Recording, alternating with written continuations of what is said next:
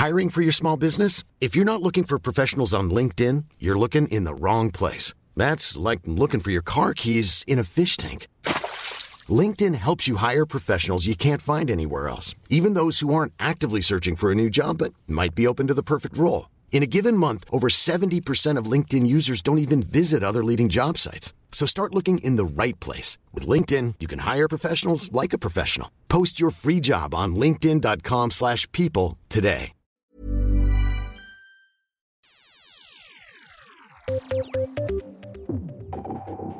Fremskrittspartiet foreslår igjen å doble strafferammen i Groruddalen, og argumenterer for at det vil være nødvendig for å ta gjengangerne i kriminaliteten. Burde vi skjerpe kravene til folk på østkanten? Bibliotekarer vil ikke promotere bøker skrevet av transkritikere. Humorprogrammer kreves slettet, og minnesmerker de skal vekk. Burde vi kvitte oss med historien vi ikke liker? Gjennom sommeren har det stormet rundt det omstridte oppropet signert 15 kunstnerorganisasjoner. Kritikerne mener de dermed støtter boikott og scenenekt, og nå har Forfatterforeningen sendt oppropet til avstemming blant egne medlemmer. Burde Forfatterforeningen trekke støtten til oppropet? Du hører på Etikk og estetikk, som er tilbake i sin andre sesong. Jeg heter Danby Choi og er redaktør i Subjekt og programleder i showet. Vi skal straks introdusere dagens panel, men først noen ord fra våre annonsører.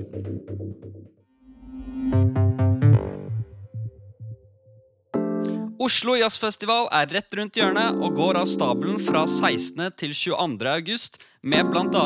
Ola Kvernberg, Harald Lassen, Susanna, Karin Krogh og Hanna Paulsberg, Veslemøy Narvesen og bestillingsverk fra Kim Myhr. Sjekk ut oslojazz.no for mer informasjon.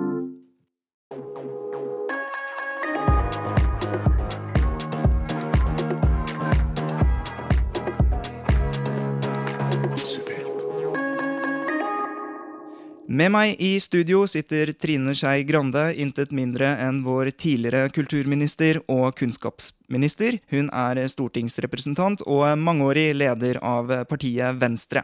Hun har engasjert seg for kunsten, for klimaet og for ytringsfriheten, blant mye annet.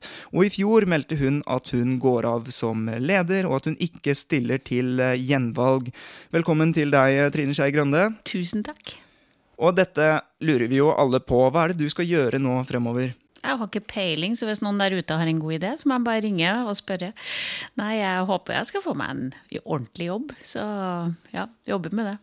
Er det, er det i kommunikasjonsbransjen eller noe sånt? Nei, jeg tror jeg passer skikkelig dårlig til det. Så det Ja, nei, jeg må jobbe med noe som jeg tror er viktig sjøl også. Så jeg håper at jeg skal finne meg en ordentlig jobb kommunikasjonsfolk er ikke viktige. Du er helt enig med alle journalister om det. Og ved siden av Trine Skei Grande sitter eh, komiker Jørnis Josef, også kjent som eh, kongen av Gulset, som er hans egne program på NRK.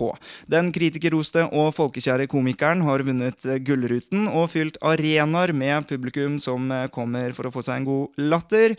No pressure. Nå vi får se om det blir noe moro å ha Josef i studio i dag, som kommer rett fra innspilling av hva er det du kommer Hva er det du spiller inn om dagen? Jeg spiller inn en eh, ny serie som jeg har laget. Fortell. Eh, jeg og regissør Mikael Samuelsen og, Jenny Wong Vi har eh, skrevet en ny serie for TV 2. Som, den, det kan jeg si. Den heter Kasko. Ah. Ja. Kasko er, det er sånn økonomisk begrep? Ja, det, er, det, det handler om Har det ikke noe med bil å gjøre? Ja, Det handler om forsikring. Så jeg prøver å gjøre forsikring gøy gjennom å fortelle en historie over åtte episoder. Dette høres ut som reklamecontent. Nei, jeg har ikke noe å reklamere ennå. Så... Har du ikke fått penger i lomma en eller annen? Under eh, bordet? Jeg er vel ansatt av TV 2, så du kan vel anse det som reklame sånn sett. ja, det er jo så kommersielt. Veldig bra. Velkommen til deg også, Jonis Josef. Tusen takk. Da går vi over til første tema. Stortingspolitiker i Frp Jon Engen Helgheim foreslår å doble strafferammen i Groruddalen og i Oslo sentrum. Til Avisa Oslo sier politikeren at han foreslår dette som tiltak for å ta gjengangerne i kriminaliteten. Kritikerne mener dette strider med prinsippet om likhet for loven. Burde vi skjerpe kravene til folk på østkanten, Jonis Josef? Nei. Og Trine Skei Grande? Nei. Hvorfor sier du nei, Jonis Josef? Er vi ikke litt lei av de kriminelle som begår kriminalitet gang på gang på gang? Jo, selvfølgelig er det kjipt at folk begår kriminalitet gang på gang på gang. Men uh, igjen, jeg er veldig enig i at loven skal være lik for alle.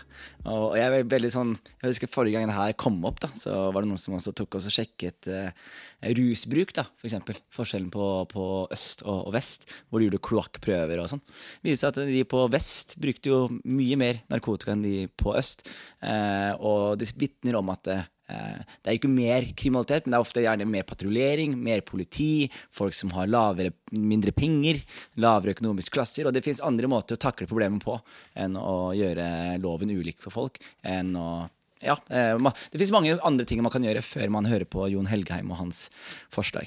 Ikke sant. Eh, jeg husker det var eh, altså flere som tar kokain på vestkanten, men så er det likevel flere som blir tatt med det på østkanten. Og da er det jo litt sånn høna og egget-spørsmål. Er det fordi at eh, politiet patruljerer mer der? Og det er nok sannsynlig, og det engasjerte du deg veldig for den gangen. Og jeg ser du også engasjerer deg for denne saken, Josef.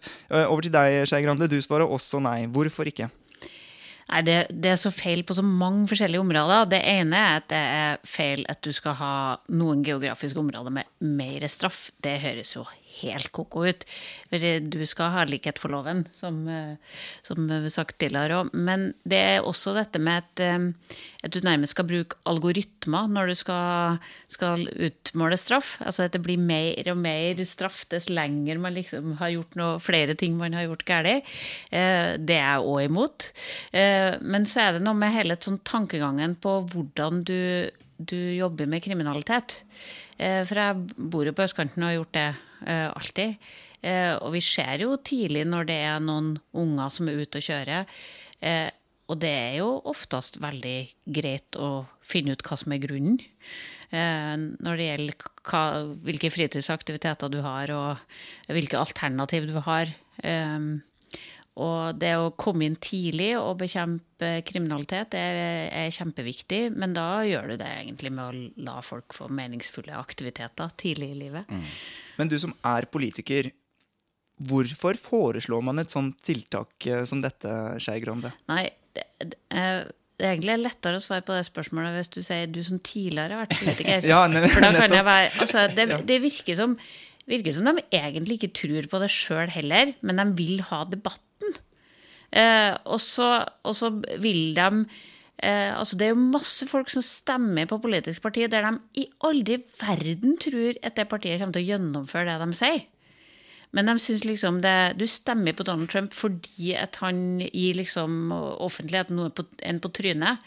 Eh, og du tror liksom ikke at den skal gjøre det den gjør, men det blir stadig vekk flere sånne stemmer. Da. Og da, da mener jeg ikke bare Frp, altså jeg mener det er flere andre som, som aspirerer på det området. Sugerør i statskassa og alle disse tingene som går igjen og igjen. Men du hørtes litt ut som en kommunikasjonsrådgiver eh, og ekspert nå, Trine Skei Grande. Og, og, jeg har jo også tenkt på det. Noen ganger så ser jeg på Sylvi Listhaug i mediene, hvordan hun jobber.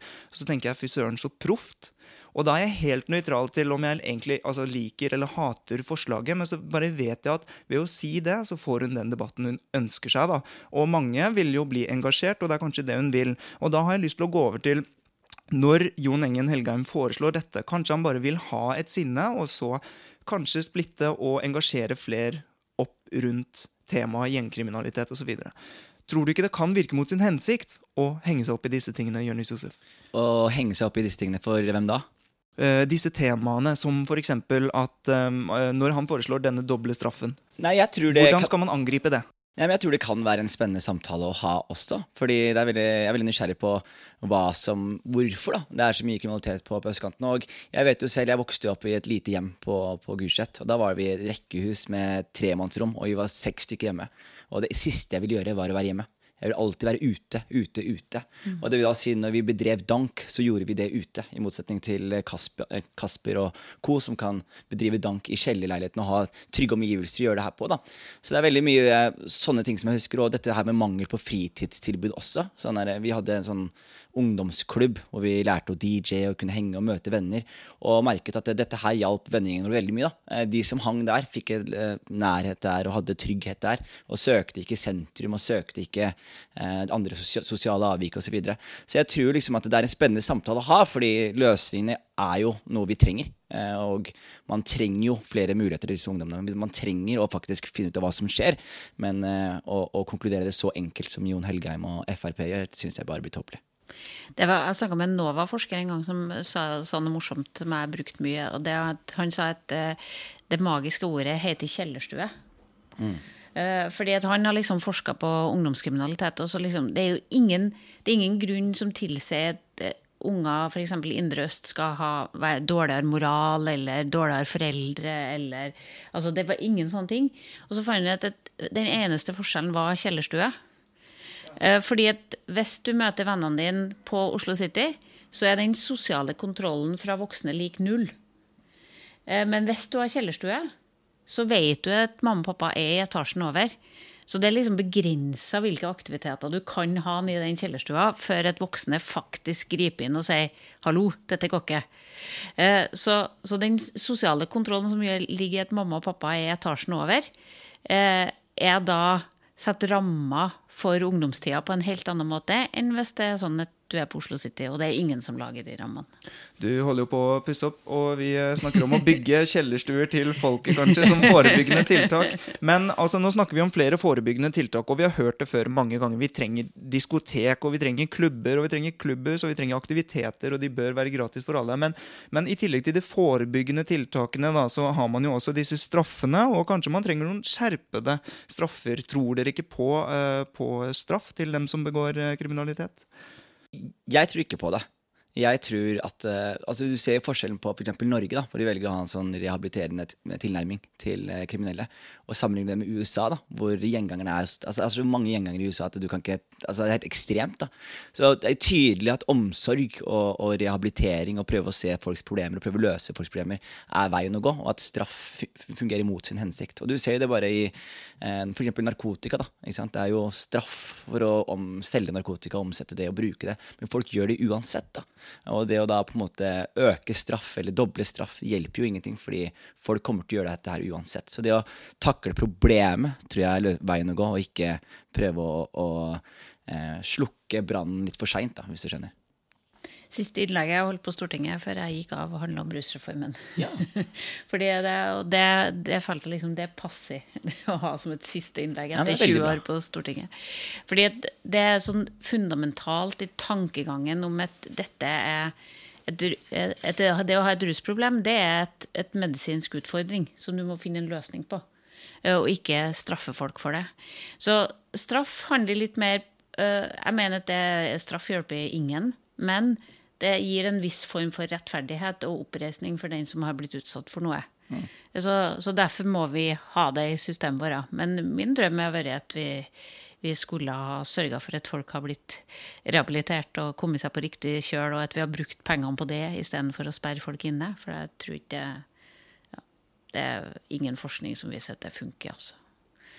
Hjelp, ikke straff har jo vært et eh, slags motto for dere lenge når det gjelder eh, ruskriminalitet. Men eh, hva hvis det gjelder vold og, og vinningskriminalitet og andre slike saker, da? Ja, Det er derfor jeg sier at du, egentlig har vi straffesystemet for at det skal opprette en type urettferdighet som mennesker har, opp, har opplevd. da.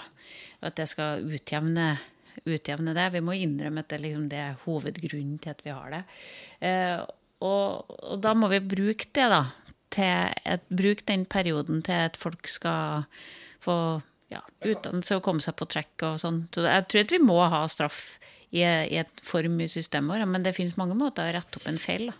Men vil man ikke kunne bruke det litt uh, argumentet uh, for en uh, dobbel straff i, i, på Groruddalen også, med tanke på å rettferdiggjøre f.eks. folk som bor der? Ingen vil jo flytte dit hvis det er kjempemye kriminalitet der, f.eks.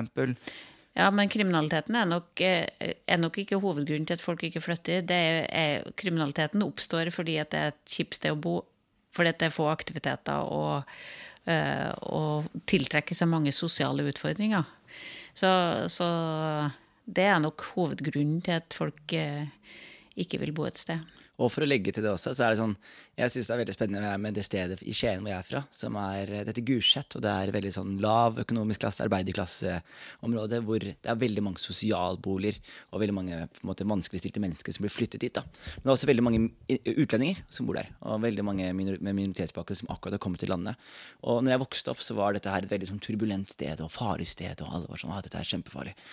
Og så møter jeg på en måte gamle folk da, som har vokst opp på Gulset, som er, 50-60 år. Og de forteller også at Gulset har hatt det samme stigmaet ja. hele veien.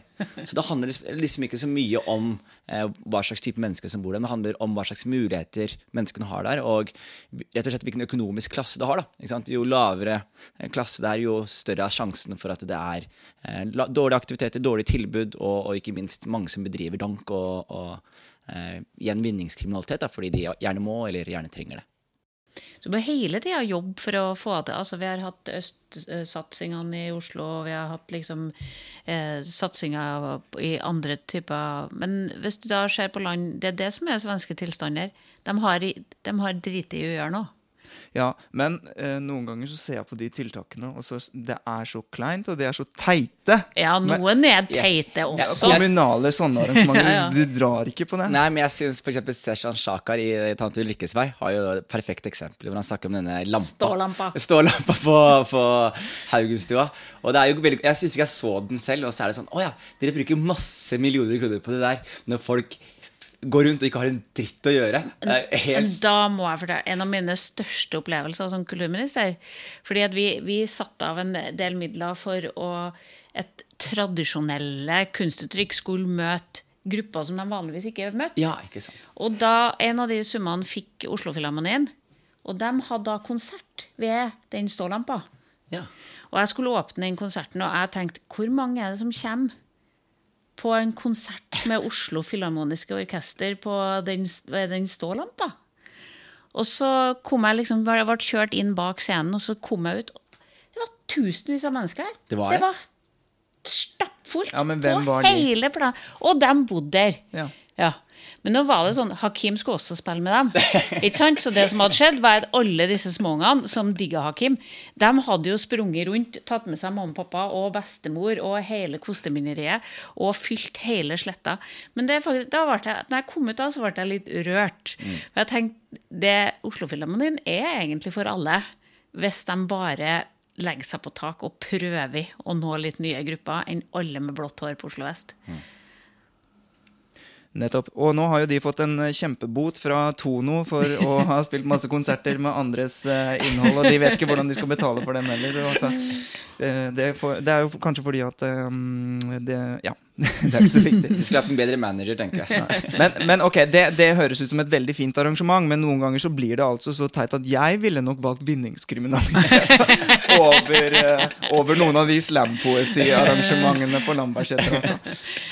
Ja, men det er samme som masse ungdoms... Liksom bare man har en ungdomsklubb Nei, hjelper ikke å bare ha en ungdomsklubb. Man har en kul ungdomsklubb der ungdom er med og bestemmer hva som skjer, for det er mye teite også. Ja, og så involvere litt privat uh, liksom, engasjement. Ja, ja. Men så lurer jeg også på en ting som jeg alltid er veldig lurt på. Men for sånn fotball, da, som veldig mange tiltrekkes mot, og som veldig mange liker.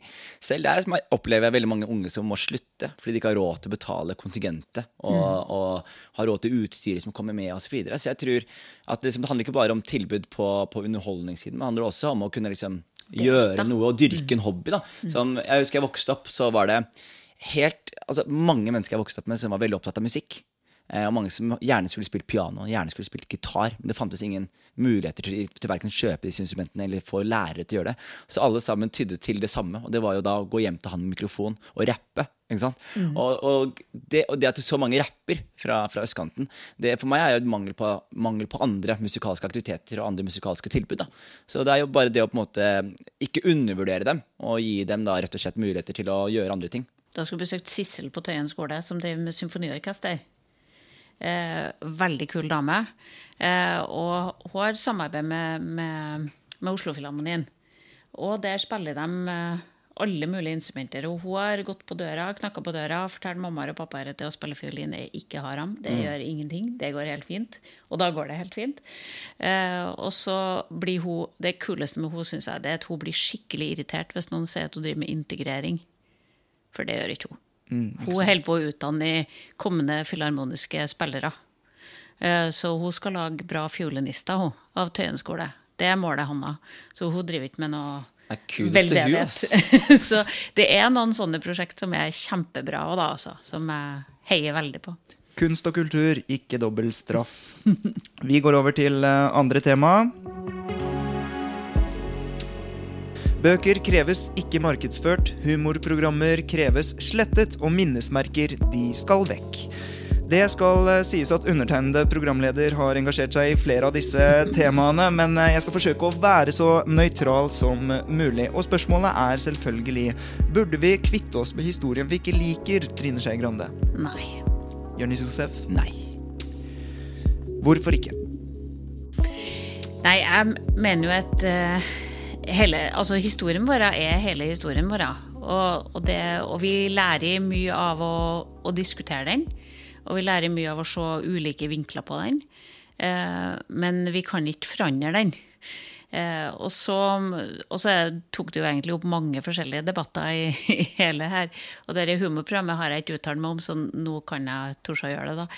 Ettersom jeg er sånn av, det at jeg, Hvis ikke humor krenker av og til, så forsvinner litt av poenget med humoren sin rolle. Humoren skal sparke. Ja. Jeg sparka Trine akkurat nå. ja, men den skal liksom eh, Den skal av og til være eh, ubehagelig. Sjøl jeg som politiker har vært utsatt for ting jeg ikke gidder å se på TV for jeg syns det er kjipt. Mm. Eh, men men det, det, det, betyr ikke at jeg for at det skal forbys eller tas av skjermen. Men hva hvis den bidrar til å normalisere sånne holdninger, da? Nei, men, men da bør man ha den debatten, da. Ha trua på debatten. Jeg har klokkertro på debattens foredlende kraft. Eh, et, et det, å, det, er helt i orden å si at dere var ræva dårlig, og det bidrar til sånn og sånn. Og så tar vi den debatten, da. Det syns jeg er helt ok. Det at folk sier at dere der vil jeg ikke se på, for det er noe dritt. Men det å si at det ikke skal få lov til å finnes i en spiller i NRK, det Ja. Jeg, jeg må innrømme at jeg så dette NRK-programmet, og jeg flira veldig av det NRK-programmet. Fordi jeg har aldri sett japanske talkshow, men jeg hørte om det. Så tenkte jeg er det sånn det er?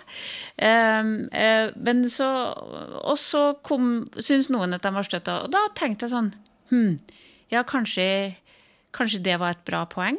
At, at, dette ikke var noe bra gjort? Og da førte det til en prosess i hodet mitt. Og det er jeg takknemlig for at noen skaper en debatt om. Men det blir jo ikke noen sånne debatter, da. Hvis vi ikke tør å ta debattene, men bare sier 'nei, du får ikke', 'nei, det forsvinner', og da lærer vi jo aldri det, da. Josef? Eh, jeg mener også nei. Eh, altså, man skal aldri slette noe som helst. Og hvis man på en måte har tråkket over streken, eh, både om det er rasistisk eller sexistisk eller en eller annen ny politisk kamp som kommer om fem til ti år, så skal det ikke slettes, men jeg syns det skal være et vindu inn i hvordan folk tenkte på den tiden der. Eh, humor, for, mange, for meg, da, så er humor eh, gjerne større indikator av en tid enn det et museum er. Mm. Jeg, en, de, eh, Eddie Murphy sin special forteller meg mer om hvordan folk tenkte på 80-tallet enn eh, museum eller hva enn det måtte være. Og det samme gjelder liksom det, humor på 90-tallet, humor fra 2000-tallet 2000 osv. osv. Eh, men det som har skjedd, som jeg på en måte syns er litt spennende, er jo at dette flere folk blir hørt nå. Før så var det gjerne en uh, hvit humorelite som satt og gjorde narr av alt og alle. Eh, og så hadde man ikke noen mulighet til å på en måte si hei, hva er det dere driver med, eller hva er det, hva er det som foregår her, eller hva det måtte være. Og man ser jo det for eksempel, eh, en ting jeg vokste opp med som het Mad TV. Da Da var det jo en Miss Swan som gikk der, og bare en hvit dame som mysa øynene og gjorde veldig asiatiske parodier. Og jeg lo som bare rockeren på den tiden her. Men hadde du vist meg en Miss Swan-parodi nå, så det har vært sånn oh, ikke helt heldig dette her. Fordi det begrenser asiatiske mennesker, til eh, små øyne og, og en eh, rar aksent. Eh, så det jeg mener er at eh, hvis du skal på en måte gjøre humor i, i disse tider i dag, da, så du, du, altså, du kan gjøre hva du vil. Du kan gå på scenen og du kan myse i øynene og si ching chong, og du kan ta på deg blackface og gjøre det, men da kommer også folk til å reagere. Og det er det jeg føler er ytringsfrihet. At du har rett til å ytre deg, og andre folk har rett til å ytre seg mot din ytring. Eh, og det jeg tror som er greia, er at det, det, er mange som på en måte kaster hendene opp i været. Sånn, ah, 'Det går ikke an å kødde med noe lenger', og bla, bla. Og da er mitt argument at liksom, selvfølgelig går det an å kødde med hva faen du vil, men du må bare gjøre det smart gjøre det intelligent og gjøre det på en veldig veldig smart og god måte og gjennomtenkt måte, så vil du ikke få denne kritikken her, og du vil overleve kritikken, og du vil ikke bli cancelled. Og da er jeg veldig enig med deg, Danby, om at f.eks. NRK og de store aktørene her kan ikke gå inn og, og slette ting, fordi det, disse tingene her forteller oss veldig mye om hva som har vært akseptabelt, og hva som ikke lenger er akseptabelt. Jeg, jeg, jeg tenkte en del når denne diskusjonen var en gammel gammel venstremann som jeg kjente, som satt i konsentrasjonsleir under krigen. Han fortalte meg følgende, han kom på kontoret mitt, og så var det laga en film, en dokumentar, om, om Falstad, som da var konsentrasjonsleir under krigen. Eh, og så var han så uenig i den. Så sa jeg, men hvorfor var du uenig i den? Jo, fordi at den viser bare det grusomme og så sa han til meg For Trine, hvis du bare viser frem det grusomme, så vil du ikke kjenne igjen det når det kommer tilbake igjen. For han sa en dag var vi ute til tvangsarbeid. Så kom vi inn i matsalen, og der sto det et flygel. Og der satt en av de tyske vaktene og spilte, mens en av fangene sto og sang. Sånn, det er også et sant bilde fra den konsentrasjonsleiren. Og hvis du aldri forteller det bildet, så vil du aldri kjenne igjen det totalitære når det kommer tilbake. Eh, og, det å, og, det har jeg tenkt mye på etterpå, at han har så rett i, for det å vise hele bildet eh, gjør at du, du, kjenner igjen de, de trekkene da, når de kommer tilbake.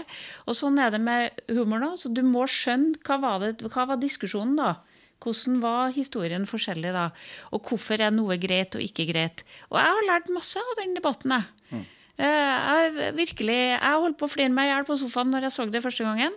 Debatten har lært meg noe om meg sjøl og noe om, eh, om, humor som jeg har lært noe av. Det har vært bra. Men det betyr ikke at ingen skal få gå tilbake og lære noe av det samme som jeg har lært. Og det jeg tror også som er litt eh, problemet der, er at eh, La oss si at noen har en valid kritikk da, mot Nicolay Ramm. Og er sånn, dette her er ikke bra, og bla, bla. Og NRK er sånn ja, vi er enige. Så er det sånn, ok, hva skal vi gjøre da? Så er det ingen som helt vet hva de skal gjøre. Så er det sånn der, uh, slett, da. Og så, og så, ok, så gjør det, og så er ikke det en seier heller, ikke sant. Uh, så det handler jo bare om hva skal man gjøre, da. Når noen har tråkket over streken. Og det er litt det som er spørsmålet. Og men hører... Hadde ikke noen kunnet lage mothumor, da? Mothumor? Ja. Hadde ikke gått an å liksom få til en sånn humordebatt med humorprogram mot hverandre? Det heter roast, det, Trine. ja, jeg, jeg, jeg, er også litt sånn ja, for, eh, ikke sant? Men jeg er også litt kritisk til um, at uh, man uh, eksempel Altså smarte komikere i dag ville jo ikke brukt blackface. Men det går jo an å bruke det som, for å parodiere blackface-debatten og at man bruker det som et kunstnerisk grep. Så det er derfor det blir så farlig å bli så robotisk på det. At man forbyr et eller annet, eller at det setter veldig tabu rundt et ord, eller veldig tabu rundt et eller annet. Fordi at eh, man kan ikke da heller bruke det slags meta, da. At man uh, angriper det. Nei, men det som er slik jeg ser det, da. Jeg brukte blackface nå i den serien jeg lagde. Eh, ja, det, det er du klar for å bli cancelled? Ja, men jeg er klar for å bli cancelled, fordi det måten jeg bruker blackface på, er at snakker, er sånn der, vi snakker om sånn ah, Du hadde ikke noe særlig selvrespekt på videregående. Så er det klipp tilbake til videregående, og så er det meg og to andre hvite gutter med blackface som står og danser. Og da gjør vi narr av at blackface ikke lenger er akseptabelt. Ja. Og det jeg føler ofte som er greia, som man ikke tenker på ofte er, Hvis du skal bruke kødde med transpersoner og homofile og svarte folk, og, så er jo dette her edgy humor. ikke sant? Og, og def, selve definisjonen av å være edgy er å stå på en kant. Og når du står på en kant, så er det ikke publikum sitt ansvar å holde deg tilbake. Det er ditt ansvar å balansere riktig og sørge for at du ikke faller utenfor.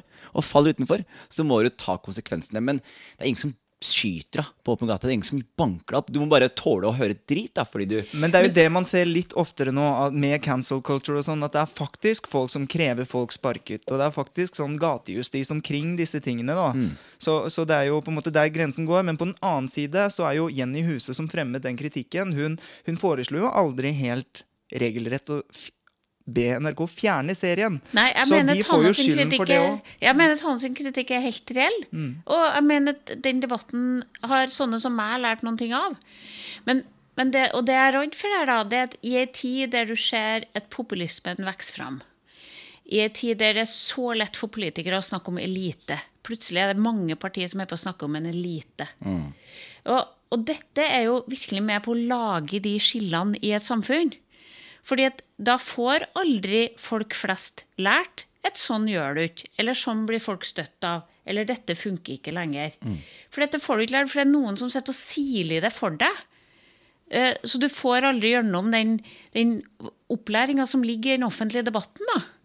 Og da får du et enda større skille mellom Da er det enda lettere for Trygve Slagsvold Vedum og Sylvi Listhaug å snakke om elitene og byelitene og alt mulig sånn. For da er det jo sånn, da. Da er det noen som sitter og siler om, du, om det er noe du skal få lov til å flire av eller ikke. Men det jeg tenker også det som er litt sånn fascinerende, er at eh, sånn som jeg driver med humor, og jeg står på scener. ikke sant? Og det vil da si at de som kommer for å se på meg, de kommer på mine shows. Og det vil da si at jeg kan selv da for eksempel spille inn noen video hjemme og legge det ut på YouTube. altså eh, det er, det er rett og slett ingenting som stopper meg fra å fortsatt distribuere min humor. Og så er jo spørsmålet da hva skal statskanalen da være med å finansiere? Og igjen så så, altså, selv avpublisering henger jeg ikke med på i det hele tatt, og syns ikke de skal gjøre. Men jeg syns f.eks. at eh, hvis NRK skjønner at ok, hvis vi skal eh, lage humor videre og drive og provosere på oss alle med, med en etnisk bakgrunn eller med en somalisk bakgrunn, så kan jeg respektere at de velger å ikke ta den kampen. ikke sant? Men det betyr ikke at for Nicolay Ramm ikke kan fortsette å lage sketsjer. Og at det ikke finnes et publikum for disse tingene her. Og jeg føler at i disse tidene vi kommer inn i nå, hvor det er flere og flere stemmer som blir hørt, så betyr det også at du har flere og flere plattformer å, å utøve deg på. Og i gamle dager da, så var det jo NRK som det var det eneste. Hvis du kom deg inn på NRK, så var det sånn du fikk en karriere, liksom. Men nå er det tusen veier å gå. Og hvis ikke du får den mainstream veien, så finnes det også egne veier. Så jeg er derfor veldig uenig i cancel. Du kan gjerne bli cancelled fra the mainstream culture, men du kan gjerne fortsette. Og et perfekt eksempel er jo en som heter Shane Gilligan i USA. Han eh, hadde noen sketsjer på YouTube og skulle egentlig være med i SNL, da, som er en sånn stor for, for komikere. Det er en veldig stor stas å være med der. Og da var det mange som gravde frem masse tweets av Shane Gilligan som Nei, Shane Gillis heter han, unnskyld. Eh, og hvor han da hadde vært litt sånn rasistisk og kødda litt med asiatere, det han også, for øvrig. Og da ble han cancelled, og han endte opp med å få fyken fra SNL før han begynte. Men det som skjedde da, var at han fikk så enormt oppmerksomhet fra alle som var så lei av denne cancel culturen her. Slik at han har da en YouTube-kanal nå som er nesten større enn SNL. Han har en Twitter-karriere som har blowet veldig veldig, veldig opp. Så det fins fortsatt muligheter eh, for disse menneskene som ikke lenger kanskje får innpass i, i mainstreamen. Da. Det er det jeg også tenker. eh, Jeg tok jo opp noen flere temaer her. Og, og f.eks. i mediene så har man også hørt det veldig lenge at eh, alliansen skal ikke være med i Arendalsuka. Helge Lurås skal ikke få lov til å være med i debatten osv. Og, så videre, og, så og eh, hans Trump-strategen, Bannon, han skulle jo heller ikke få lov til å komme til eh, mediedagene i Bergen. Og eh, hvis de slutter å snakke i mediene, så går de jo bare til YouTube, og da snakker de uredigert og til barn, og de kan jo gjøre helt egne karrierer der. Så, så jeg tenker jo at det er veldig bra med de store forenende arenaene. Og med humoren særlig, da, så har jo den eh, en evne til å knuse tabuer. Og jeg mener jo at når man legger så mye tabu på blackface, eller så mye tabu på ching chong, så ber de om at noen skal kødde med det. Og det er, det, jeg- det er da det blir gøy, og det er da det blir politisk ukorrekt. ikke sant? Men jeg hadde jo et show nylig, og da, var det, da kødde jeg litt med hadde noen litt sånn spontanabort og psykisk helse. Og litt, det var ganske mørkt, en lite sånn 15 minutters eh, segment. da. Og så er det en dame som reiser seg opp i protest og går. Og så får jeg en melding på Instagram etterpå hvor hun har sånn Jeg syns ikke jeg, Det fins så mye annet å tulle med enn barnedød og psykisk helse, og jeg valgte å gå fra showet ditt. Jeg var ikke fornøyd. Og da svarte jeg eh, at eh, da er ikke du mitt publikum, men tusen takk for at du kom. Og det er rett og slett en måte å gjøre det på, fordi man lager jo ikke humor for alle. Humor er veldig subjektivt. Og det er noen som vil ha Nicolay Ramm som kødder, og noen som ikke tåler det. Og det er som du sier også, man må bare luke og velge selv hva man vil ha, hva man vil tåle. Og det fins et marked for alt. Og hvis noen er veldig rasistiske eller veldig homofobiske, så vil de gjennom den nye verden vi har med internett, så vil de møte reaksjoner, og den reaksjonen er naturlig. Og det man er litt redd for, kanskje, er jo at uh, hvis, liksom, Alle er jo på sett og vis sin minoritet. Man er, uh, man er plattfot, og man er døv, og man er uh, stor og liten, og man er gul, og man er svart. Og så, hvis alle ikke sant, skal kreve sin andel, andel vernet, da, mm. så er det ikke mye ytringsrom igjen. Ja. Nei, og så tror jeg liksom Hvis det blir for eksempel Jeg husker jo når Siv sto opp i den indianerkostyma. Og jeg kjenner jo Siv. Jeg tror aldri da streifa hun i himmelriket det var feil. Og så ble noen lei seg for det. Og så ble det en interessant debatt i og for seg. Men det fører jo også til at veldig mange syns at det var urettferdig overfor Siv å angripe henne for noe som hun kledde seg ut på en fest. Eh, og, og da, da, lager du veldig sånn skiller i samfunnet, så jeg skjønner ikke hva du mener. Altså Alle kan lage sin YouTube-kanal og sånn, og det er det i dag. Men NRK sin rolle er å og vise fram hele bredden, og også tåle å stå i debatter etterpå. da, mm. Om kanskje noe var bare ganske enkelt dårlig. Det er helt greit, det, den debatten. Og, og jeg ønsker at vi skal ha flere arenaer der vi kan møtes i den diskusjonen, istedenfor at alle skal velge sin uh, YouTube-kanal som bare måles i mål med demma sin humor. da. Mm. Og, um, men hvor går uh, egentlig grensene da, folkens?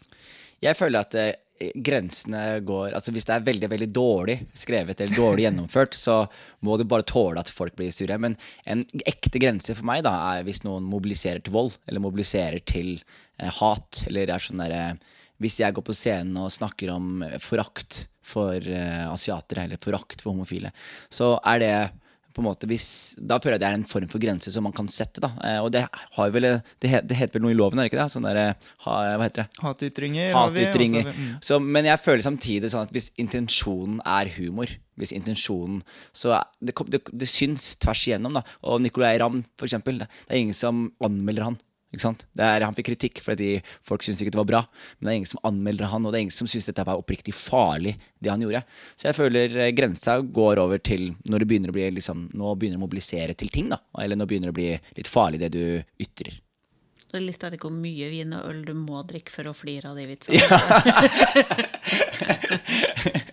Hva tenker du der, Trine? Hvor, er det noen grenser sånn sett? Nei, no, jeg, jeg, tror det er mange grenser i humoren, men jeg tror jo at, eh, at eh, du kommer unna med dårligere humor det større alkoholinntak. Det, det vet du jo. Det gjør man. Ja, men, eh, men inntil et visst punkt så blir det mer krevende å snakke til folk også. jeg har aldri prøvd meg som standup-komiker, men jeg har vært konferansier på fester og sånn. Ja. Der man vet at når klokka begynner å nærme seg ti, og man skal liksom kjøre et program for scenen, det, det da må korte setninger. Jeg hadde, jeg hadde, en regel som jeg sa til meg selv sånn veldig tidlig i karrieren, og jeg står veldig innenfor den her, da. Og det er at eh, hvis du skal, hvis du skal ytre noe Hvis jeg skal f.eks. ha en vits om uh, asiatiske mennesker, da, så, siden det er det som er dag, på dagsordenen, så skal jeg kunne ta den vitsen i et rom fullt av asiatiske mennesker. Ja. Og hvis jeg ikke kan gjøre det, det og, og, det merker man selv som komiker. sånn der, Det er noen steder du tør å gjøre en vits, og så er det noen steder du ikke tør å gjøre den samme vitsen. Og hvis du ikke tør å gjøre den samme vitsen for alle, da veit du sjæl at denne vitsen her ikke er bra nok, eller at den er, eh, du skyter litt feil. da. Jo, Men tenk så lite rom det blir da, da, igjen. Tenk Nei, men, NRK, da, som har liksom Norge som publikum. Ja, men jeg for eksempel, jeg kødder jo med mine homofile venner, eller homofile, homofili osv. Og, så og jeg kødder med eksempel, eh, Jeg hadde en 22. juli-vits jeg gjorde um, en, en, stund. da. Og da var det eksempel sånn at jeg, når jeg var på Utøya og skulle gjøre standup der, da var jeg sånn, ok, da må jeg tørre å stå for den vitsen her ute hvor folk er virkelig pårørende. Og merket at de folkene lo veldig mye, fordi det er en vits jeg på en måte har jobbet med å kunne stå inne for. Så, og hvis jeg for hadde kommet ut og vært sånn jeg kan ikke kjøre den vitsen nå, da burde jeg ikke gå rundt og kjøre den vitsen der Nei. ellers, da. Hvis du skjønner hva jeg mener. Men jeg, jeg, liker prinsippet. Det er en slags speilprøve. Og mm. det tror jeg ganske mange har godt av uh, å teste ut. Jeg tror det, det tror jeg er en bra kvalitetstest, da. Ja, det tror jeg. Og da mm. veit du også, fordi det er fort gjort å stå i Distrikts-Norge og, for eksempel, og, og kødde med eh, Jeg husker På starten av karrieren min så var det et veldig godt eksempel. For da var det veldig sånn Jeg tok veldig lavthengende frukter. Så det var veldig mye selvironi. ikke sant? Veldig mye sånn Å, som dere ser, så er jeg ikke herfra. Jeg er fra Skien. ikke sant? og folk lo som bare rakkeren. Og så husker jeg at jeg tenkte sånn de ler litt for mye. de ler litt for mye. Men du som er komiker, opplever du at du har full uh, kunstnerisk ytringsrom, eller at du har frihet? Ja, ja, jeg føler definitivt det. Jeg føler igjen alle som klager på det, er bare Da, da har du ikke gjort hjemmeleksene godt. Jeg kan godt gå til et standup-show og så kan jeg prøve en vits, og så bomber den vitsen. Men det å bombe, bombe, med en vits er ikke så altså, Folk er sånn uh, Ok, de likte ikke det, og så må du bare komme deg videre til en annen vits. ikke sant? Eh, men det er ikke sånn at alt jeg gjør, er den vitsen. ikke sant? Karrieren men nå, er men nå må jeg spørre om ting, fordi at jeg har en ordentlig komiker for meg. Ja. Eh, du tester en vits, og så sier publikum det ingen ler. Mm. Men et annet publikum kunne jo ha ledd enormt, den samme vitsen? Ja, men det det handler om da, er at man gjerne Jeg hadde en vits, eh, en vits nå nylig da, som jeg kødder med liksom, litt Mustafa Hassan, og så ender jeg opp i noen abortgreier osv. Og, så og da merka jeg første gang jeg tok den, så jeg, jeg syns i hodet mitt den er helt genial, helt genial. Og så går jeg på scenen, og så er det bare sånn Folk ler først, og så hata de den på slutten. Og så prøver jeg den en gang til, og så skjer det samme igjen. Og så møter jeg en komikerkollega, og så sier han sånn ja, men du, det siste du sier her trenger du å si det, liksom? Kan du gi deg på det bra, da?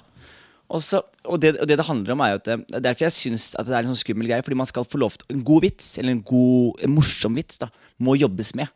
Og, og det å få lov til liksom, å feile er en del av prosessen. Det å få lov til å gå på scenen og gjøre folk litt forbanna er en del av prosessen.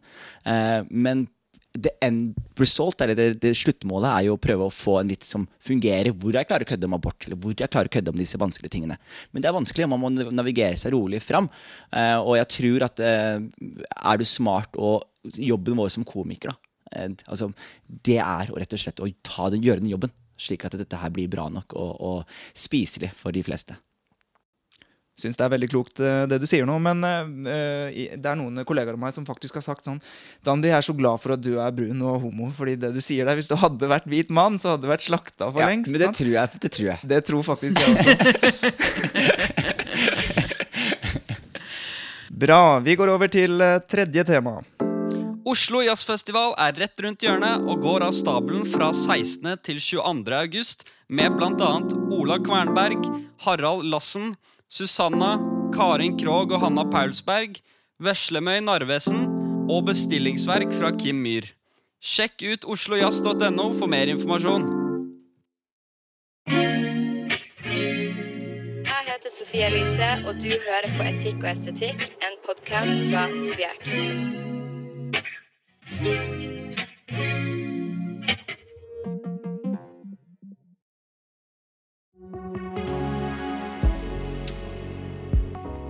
I sommer har det stormet rundt Ytringsfrihetskommisjonen, og det toppet seg da de inviterte Sløseriombudsmannen til å tale ved sitt innspillsmøte på bransjekonferansen Kulturytring Drammen.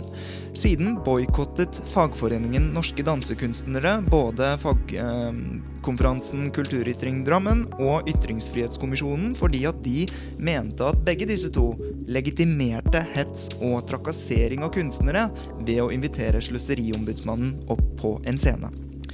Etterpå signerte 15 kunstnerorganisasjoner et opprop til støtte for norske dansekunstneres arbeid mot hets og trakassering, mens kritikerne mente at å støtte dette arbeidet inkluderte å støtte boikott og scenenekt. Norske dansekunstnere hadde jo nettopp boikottet Kulturytring Drammen for å invitere Sløseriombudsmannen opp på scenen, og flere mente boikott vanskelig lar seg kombinere med et prinsipielt forsvar for ytringsfriheten. Derfor har Forfatterforeningen nå bestemt seg for å la medlemmene i organisasjonen stemme over oppropet. Burde fagforeningen trekke støtten til oppropet, Jonis Josef? Jeg vet ikke. Trine Skei Grande? Jeg sier ja, og jeg hadde egentlig håpa at alle kunne gjort det. da starter vi med deg. Hvorfor det, Skei Grande? Nei, for meg, Jeg leverte jo en kulturmelding som hadde en eh, gjennomgående tankegang, nemlig at all kunst er ytringer. Eh, det er bare det ytres på ulike måter, om du ytrer deg med dans eller eh, komikk eller en bok. Det er alt er ytringer. Og, så, og tankegangen min var at jeg er så lei av den derre kunst og kultur, er det nytt nyttig, eller er det ikke nyttig, og hvorfor har vi det, og er det pynten på kaka, eller så videre. Så altså, I Grunnloven så står det at i Norge har vi ytringsfrihet, og politikere sin jobb er ytringsfrihetens infrastruktur. Det har tidligere blitt lest på som bare mediepolitikk, men jeg mener at det er kultur- og kunstpolitikk. Altså, Vi har som plikt samfunnet å legge til rette for alle typer ytringer, da også alle typer kunst og kultur. Og da blir det for meg helt meningsløst hvis dem som har som jobb å komme med ytringer, mener at deres ytringer ikke kan møte andre som de ikke liker, og som de, eh, de eh, gjerne vil bekjempe. Og kunstnere som mener at de bekjemper med å nekte tilgang på ytringer, istedenfor å bekjempe det med motytringer, da har du jo ikke noe tro på det du gjør, da. Så for meg så blir det helt sånn det går nesten ikke an. Det går ikke an å drive på med ytringer og ikke ha trua på ytringer. Så, så, jeg hadde heller sett et kunstneropprør med et ordentlig kunstnerisk grep mot det som de de er uenige med. Eh, tenk deg om du har fått eh, dansekunstnere og billedkunstnere og gått sammen og hatt et ordentlig kunstprosjekt mot det. Det hadde jo vært så kult. Det har jo virkelig brakt kunsten og kulturen videre. Eh, og istedenfor å da skrive et opprop der de er imot, det men ja. man snakker jo om at Sløseriombudsmannen har drevet med hets og trakassering av kunstnere. Og det er jo også i loven forbudt, da. Ja, og, det, og, og da må man anmelde det, og så la loven ordne det. Uh, men ikke så, Men så tror jeg har jo tro på kunsten sin kraft i møte med det man ikke liker òg. Uh, så jeg skjønner ikke at når, man, når vi har så mye flotte kunstnere med så mye kunstuttrykk de har til rådighet, er dette den eneste måten å gjøre det på? Uh, og vi ser også hva det fører til ja, nei, jeg syns ikke noe om det. Jeg syns det var en veldig rar opplevelse. Uh, og jeg håper det ikke fører til en ny sånn polariserende debatt, da, der det er enten for eller imot, og uravstemning og to forfatterforeninger. og Jeg skulle gjerne ønske at vi hadde en sterk norsk forfatterforening der man kunne stå sammen eh, om dette. Jonis Josef? Jeg sa eh, Jeg vet ikke. altså Når vi snakket om humor, og sånne ting, så hadde jeg kanskje litt for mye å si. Men akkurat her så har jeg ikke fulgt helt med. Men jeg vet at eh, Sløseriombudsmannen hvis jeg har skjønt riktig, at han eh, gjorde narr av eh, mye av disse folkene som mottok kunststøtte, og viste egentlig hvor tullete mye av den kunsten her var. Og jeg mener jo at det er jo kunst det å kunne kødde med andres kunst er kunst også. Eh, humor så er det jo parodi, og det er vel det samme i, i kunstsetningen også. Og jeg synes jo på sånn generelt grunnlag at på samme måte som jeg mener at NRK ikke skal slettes, så mener jeg at fagforeninger skal ikke støtte opp om sånne ting, og det er opp til kunstnerne. Og hvis de andre kunstnerne, som du sier da, hvis noen av de kunstnerne er sure på Sløseriombudsmannen, så er det enten å steppe opp eller svare med kunst, eller svare ordentlig, men å, å mobilisere en eh, fagforening for å stoppe noe, syns jeg egentlig ikke noe om. Og du har uh, skjønt det ganske godt, og det er jo det uh, medlemmer i Forfatterforeningen uh, egentlig mener, da, og at de derfor burde trekke støtten til oppropet. Men nå er det altså til avstemming, og mange mener jo at men herregud, det er jo bare et opprop til støtte for kunstnere som har møtt hets og trakassering. Er man litt sånn tidlig med å peke ut nei, det her er sendnekt? Jeg tenker at det er jo ikke hets og trakassering at noen gjør narr av det. Altså, altså Hets og, og, trakassering er noe helt annet. Og, og, jeg føler at hvis du driver med kunst og noen ting, så stikker du ut nakken din. ikke sant? Og, noen ganger så får du drit, og noen ganger så får du hyllest. Og får du drit, så må du stå i det uten å kunne kalle det hets. Og uten å kunne Altså, det er kritikk, da. Og kritikk må man stå i, og man må tåle. Og hvis du er så skjør som kunstner at du ikke tåler litt kritikk, så syns jeg ikke du skal få støtte i utgangspunktet. Det er også øh, ganske i tråd med det vi snakket om rett før, og det er et veldig fint øh, indisk ordtak som øh, sier at i stedet for å prøve å pakke hele jorden inn i gummi, er det kanskje bedre å bare ta på seg et par sko. Jeg, jeg, må jeg har vært politiker i 25 år. Uh, og jeg har blitt utsatt for litt av hvert. Også som, ting som folk har blitt dømt for. Og jeg har folk som sitter i fengsel for å skulle drepe meg. Og... Jeg ble nesten arrestert pga. deg også. Ja, ja, det ser du. Fordi du sendte drapstrussel til Nei, jeg, jeg, jeg, liten digresjon. Jeg gjorde en sketsj for lenge siden som gikk litt over stokk og stein. Og så skulle jeg liksom ta på en whiteface og se om folk stolte mer på meg. Og så la jeg bare bagen ved siden av folk ja, i Oslo sentrum. Og så var Trine på vei inn i TV 2. Jeg vet ikke om jeg har sagt unnskyld for det her ennå. Men så var du på vei inn i TV 2-bygget, og så kom jeg løpende og kasta en bag. Og så ble det sånn der, kom det vakter og stoppa meg. Og, hele og i, annen, i, en annen tidslinje Husker du dette? Husker du dette? Nei, dette husker jeg. ikke. Vi var på Karl Johan, og så kom jeg løpende og kastet en bag i inngangen på TV 2-bygget. Og så ble du liksom rusha inn, og så kom det to vakter løpende etter meg. Som det var sånn Å, det er bare en eh, pilot for TV2! Og TV2 visste ikke om den piloten. Og det ble veldig dårlig stil. Det, det gjorde lite inntrykk på meg. Men- men, men, men altså Men, ja. men, men jeg mener at altså, jeg er politiker. Jeg har, eh, jeg, jeg har hatt mye makt i Norge. Jeg har vært visestatsminister i Norge. Da må du tåle litt. Sånn er det bare. Jeg synes det er Mye av det ungdomspolitikere, spesielt unge jenter, blir utsatt for som de ikke skal tåle. Men, men har du makt, så må du tåle litt. Det, er, det, er sånn, det er sånn det skal være. Men Og hvis vi mener at kunsten ikke har makt, det er jo det man forteller, da. Og jeg mener at kunst skal ha makt. Eh, Og jeg mener at kunst bør være en del av den offentlige debatten.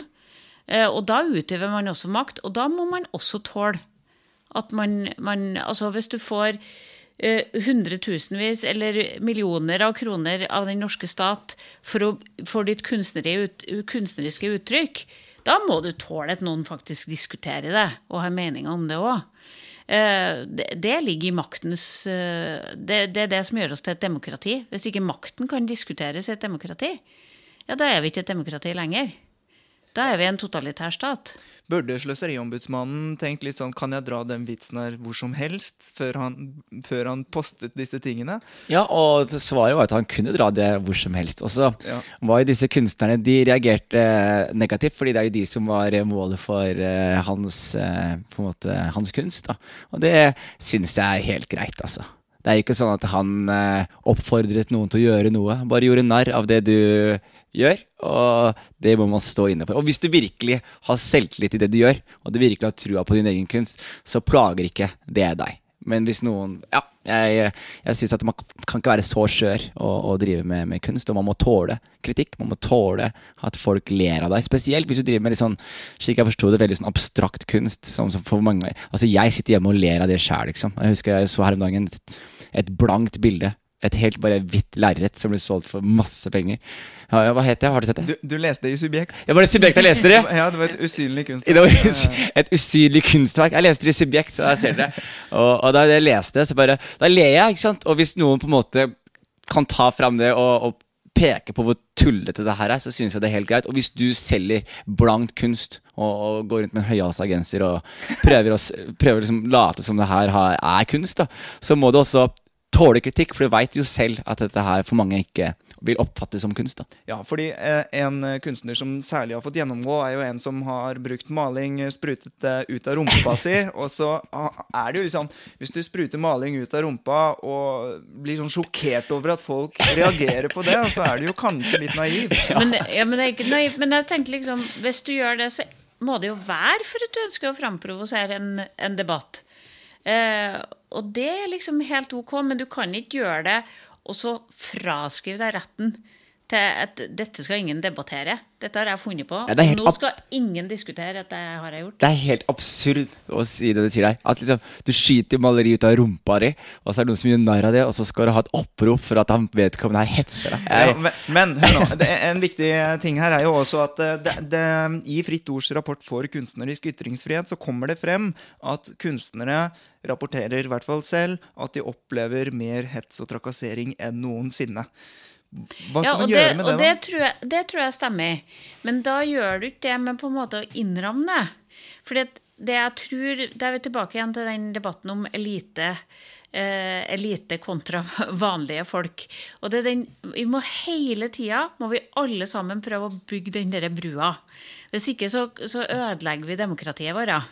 Hvis vi ikke alle sammen strekker oss etter å bygge den brua over som gjør at folk, politikere ikke kan bruke elitebegrepet når de snakker. Og, det, og da er vi tilbake her. Altså, da, må du, da må du orke å forklare dem som ikke skjønner det. Og, og, og i den debatten her så er det også uh, blitt uh, denne, Dette ordet lite er blitt nevnt også av meg, og, og fordi at man har snakket om at ja, men Sløseriombudsmannen er ingen kritiker. Det er ikke ordentlig kunstkritikk, og det er ikke ekte kritikk, på en måte. Og så har, har man da sagt at det er en veldig elitistisk tilnærming til kunsten, og at uh, hvem som helst må jo få lov til å kunne si det, og så må du heller svare saklig, da. Og, så da, og da engasjerte Knut Olav Åmås seg, og han sa Ehm, det, det stemmer ikke. Det er slettes ikke sånn at kunstnere er noen elite. Og så sa jo ingen at kunstnerne er en elite, men at det er veldig elitistisk å ha den holdningen. Men det, det kommer jo likevel med noe sannhet i det Åmås sier, at uh, kunstnere er ganske utsatt. Eh, og de har ganske lite penger, stort sett. Og de er avhengig av offentlige støtteordninger. Og de skal utforske rare ting. Og da er man jo ganske utsatt for å bli hetset og trakassert. Hva, altså, hva om dette faktisk begrenser ytringsrommet, da? Jeg tenker at det, Tidligere så har jo det her vært i et lukket vakuum for min del. Jeg visste jo ikke f.eks. om eh, La oss bruke denne rumpemaleren som et eksempel. Jeg visste ikke at han eksisterte. Og, og eh, det at jeg, jeg betaler jo skatt, jeg, og pengene mine går til eh, å, å, distribuere til Og jeg heier på det, men det er også på en måte, det er digg å få vite hva pengene mine går til. Og hvis noen kritiserer det, så er det helt innafor, slik jeg ser det. Så det at de, de får mer hets nå, slik jeg ser det, er bare fordi det er noen som har valgt å, å sette litt lys på det. Og si sånn Å, forresten, dette her blir laga med, med skattepenger dette her blir eh, laget med eh, kunststøtte. Det er jo en utfordring i Norge at vi er så lite land. og vi mm. har få, få, få, få, steder man kanaliserer penger til kunsten. Eh, og det betyr at det er å f.eks. bli uvenner med kunstmiljøet er krevende også for kunstnere. Eh, og det Ja jeg skulle gjerne ønska meg at vi hadde vært et større land som, som kanskje hadde litt ulike finansieringskilder, og som, som kunne hatt denne debatten uten at det har blitt sånn svart og hvitt. Eh, og så mener jeg slå ned på hetsen når det er hetsen, men du kan ikke eh, La oss si du hadde hengt ut meg i en, eh, en sketsj mm. som gjorde at noen trua meg med å drepe meg mm. på bakgrunn av den sketsjen. Men det er drapstrusselen du da skal ta. Du skal ikke ta din sketsj. Nettopp. Og det å klare å skille mellom det, hva er det som fører til hatet, eh, og hva er det som Og det skal du utsette for debatt, og så skal du slå ned på hatet med lov og, og, og utestenging. Men, men, eh, men, det som man mener fører til hatet, det må man møte med ord. Det er, det er noen helt eh, spinnville formuleringer i den debatten her. Altså, folk, folk, handler jo med hjertet på det rette stedet og i god hensikt, men det er altså så mye av det med guilt by association og altså Det er så mange som skal bures inne, da, hvis man har, på en eller annen måte liksom har bidratt til hets og trakassering, og hvis man har så lite tro på ytringer. At, uh... Ja, og det, det, I bunn og grunn så ødelegger det demokratiet vårt hvis vi ikke klarer å ha den debatten levende. da. Eh, fordi Og det, jeg tror jo at f.eks. så gjør sosiale medier at du av og til får sånne små lukka grupper som til slutt eh, eh tror at det de holder på med, er, er det som alle mener. Eh, jeg tror f.eks. at han eh, siste som ble fengsla pga. at han skulle drepe meg.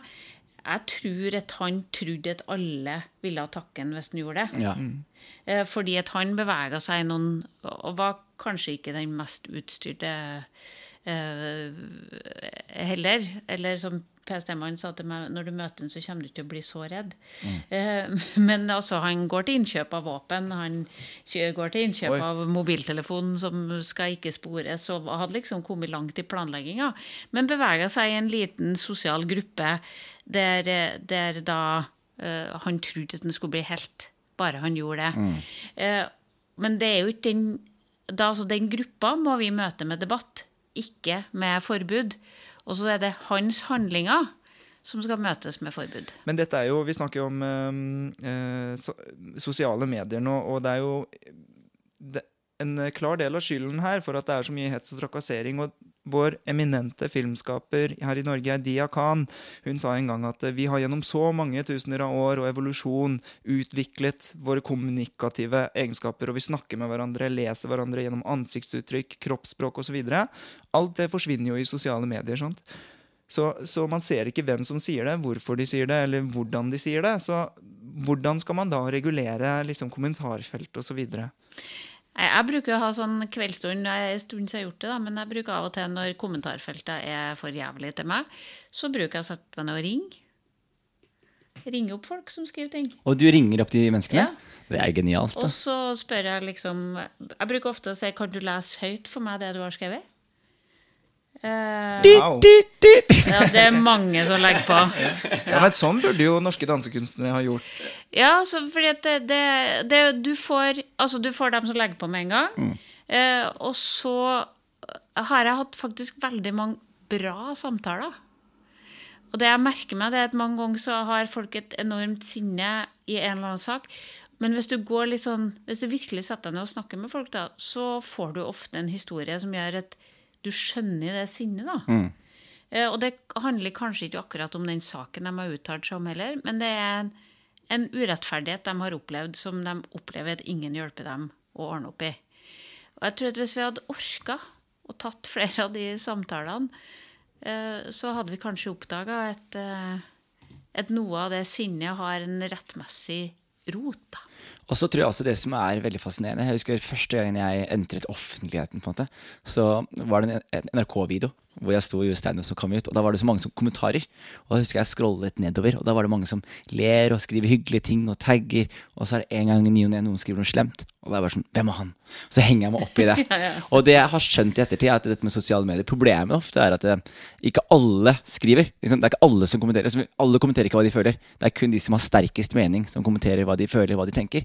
Eh, og det gjør at man ofte får et sånn skeivt eh, syn på, på hva folk mener. Da. Eh, det kan være at 95% heier på meg og syns at jeg er en flott fyr, men de velger bare å scrolle forbi, og så er det de 5% som hater meg, som skriver stygge ting. Eller jeg har opplevd at, at jeg får sånn innboksene mine fulle av sånn bæsje-emojier. da. Og da er det folk som skal være litt sånn, der, litt sånn edgy rasister osv. Og, så og da får man sånn bæsje-emojier og bæsje Og så merker jeg sånn at jeg henger meg veldig opp i det, men jeg ignorerer alle de som skriver hyggelige ting, og, og de som skriver positive ting til meg. Og noen ganger så må jeg bare tenke på det, da, og så må jeg bare zoome ut og være sånn Vet du, du, henger deg oppi nå i tre stykker og du har 30 000 som følger deg, og, og, og som er engasjert i hva du gjør.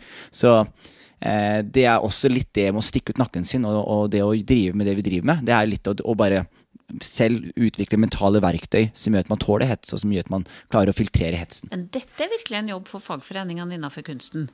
Eh, fordi at jeg, jeg, jeg merker jo Jeg jobber mye med, med de ungdommene som engasjerer seg politisk i Venstre. Og jeg har egne kurs for dem. Nettopp det som du sier. Husk de 20 positive. Eh, finn teknikker for å, for å møte også driten som du må forholde deg til. Eh, og jeg tenker, Når jeg ser veldig mange f.eks. Med, med innvandrerbakgrunn som er offentlige debattanter, og som blir helt knekt av det, så tenker jeg de har ikke noe, veldig mange av dem har ikke noe nettverk av folk som heier på dem. De har ikke noe parti som ringer og sier du, nå ser jeg det er jævlig, vil du komme opp og ta et glass vin? Eh, eller som holder kurs for deg for hvordan du siler i et kommentarfelt. Eh, det nettverket har du i et politisk parti som gjør at vi lager folk som fikser det. da. Og det burde jo fagforeningene innenfor kunsten gjort òg. Altså hatt nærmest en task force når folk blir utsatt for mye dritt, både for å lære dem å si, lære dem å ordne, men også klappe deg på skuldra og si du husk de 20 positive, da. Og ikke han der med bæsje-emojis. Eh, og det, det, det er virkelig en fagforeningsoppgave som jeg mener at man bør gjøre, sånn som vi partiene gjør når vi heier på våre ungdommer. Jeg tenker også veldig ofte på en rapper som heter Tyler the Creator. Han hadde en tweet for lenge siden som jeg tenker veldig ofte på når jeg sånn, føler meg sånn overveldet da, av hva som skjer på internett. Og han, skrev, han skriver da Internettbullying, what the fuck is that? Just turn off your computer, bro.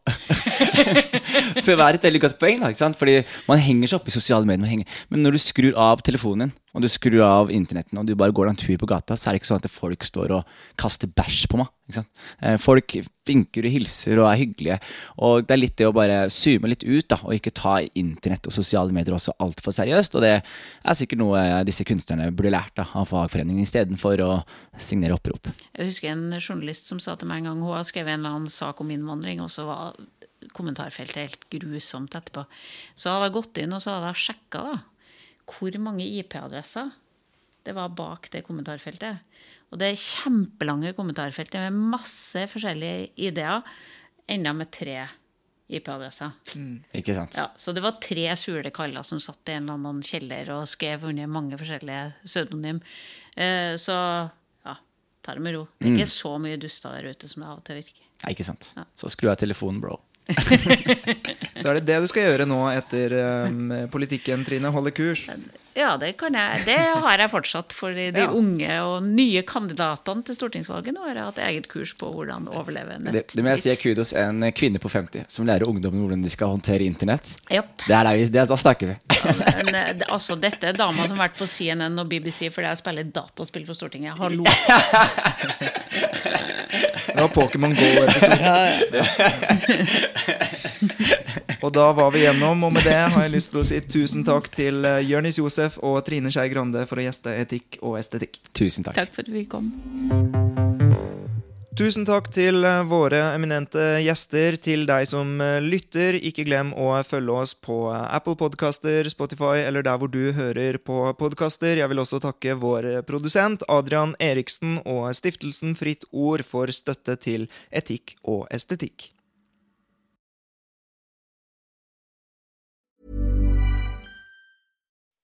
When you make decisions for your company, you look for the no brainers. If you have a lot of mailing to do, stamps.com is the ultimate no brainer. Use the stamps.com mobile app to mail everything you need to keep your business running with up to 89% off USPS and UPS. Make the same no brainer decision as over 1 million other businesses with stamps.com. Use code PROGRAM for a special offer. That's stamps.com code PROGRAM.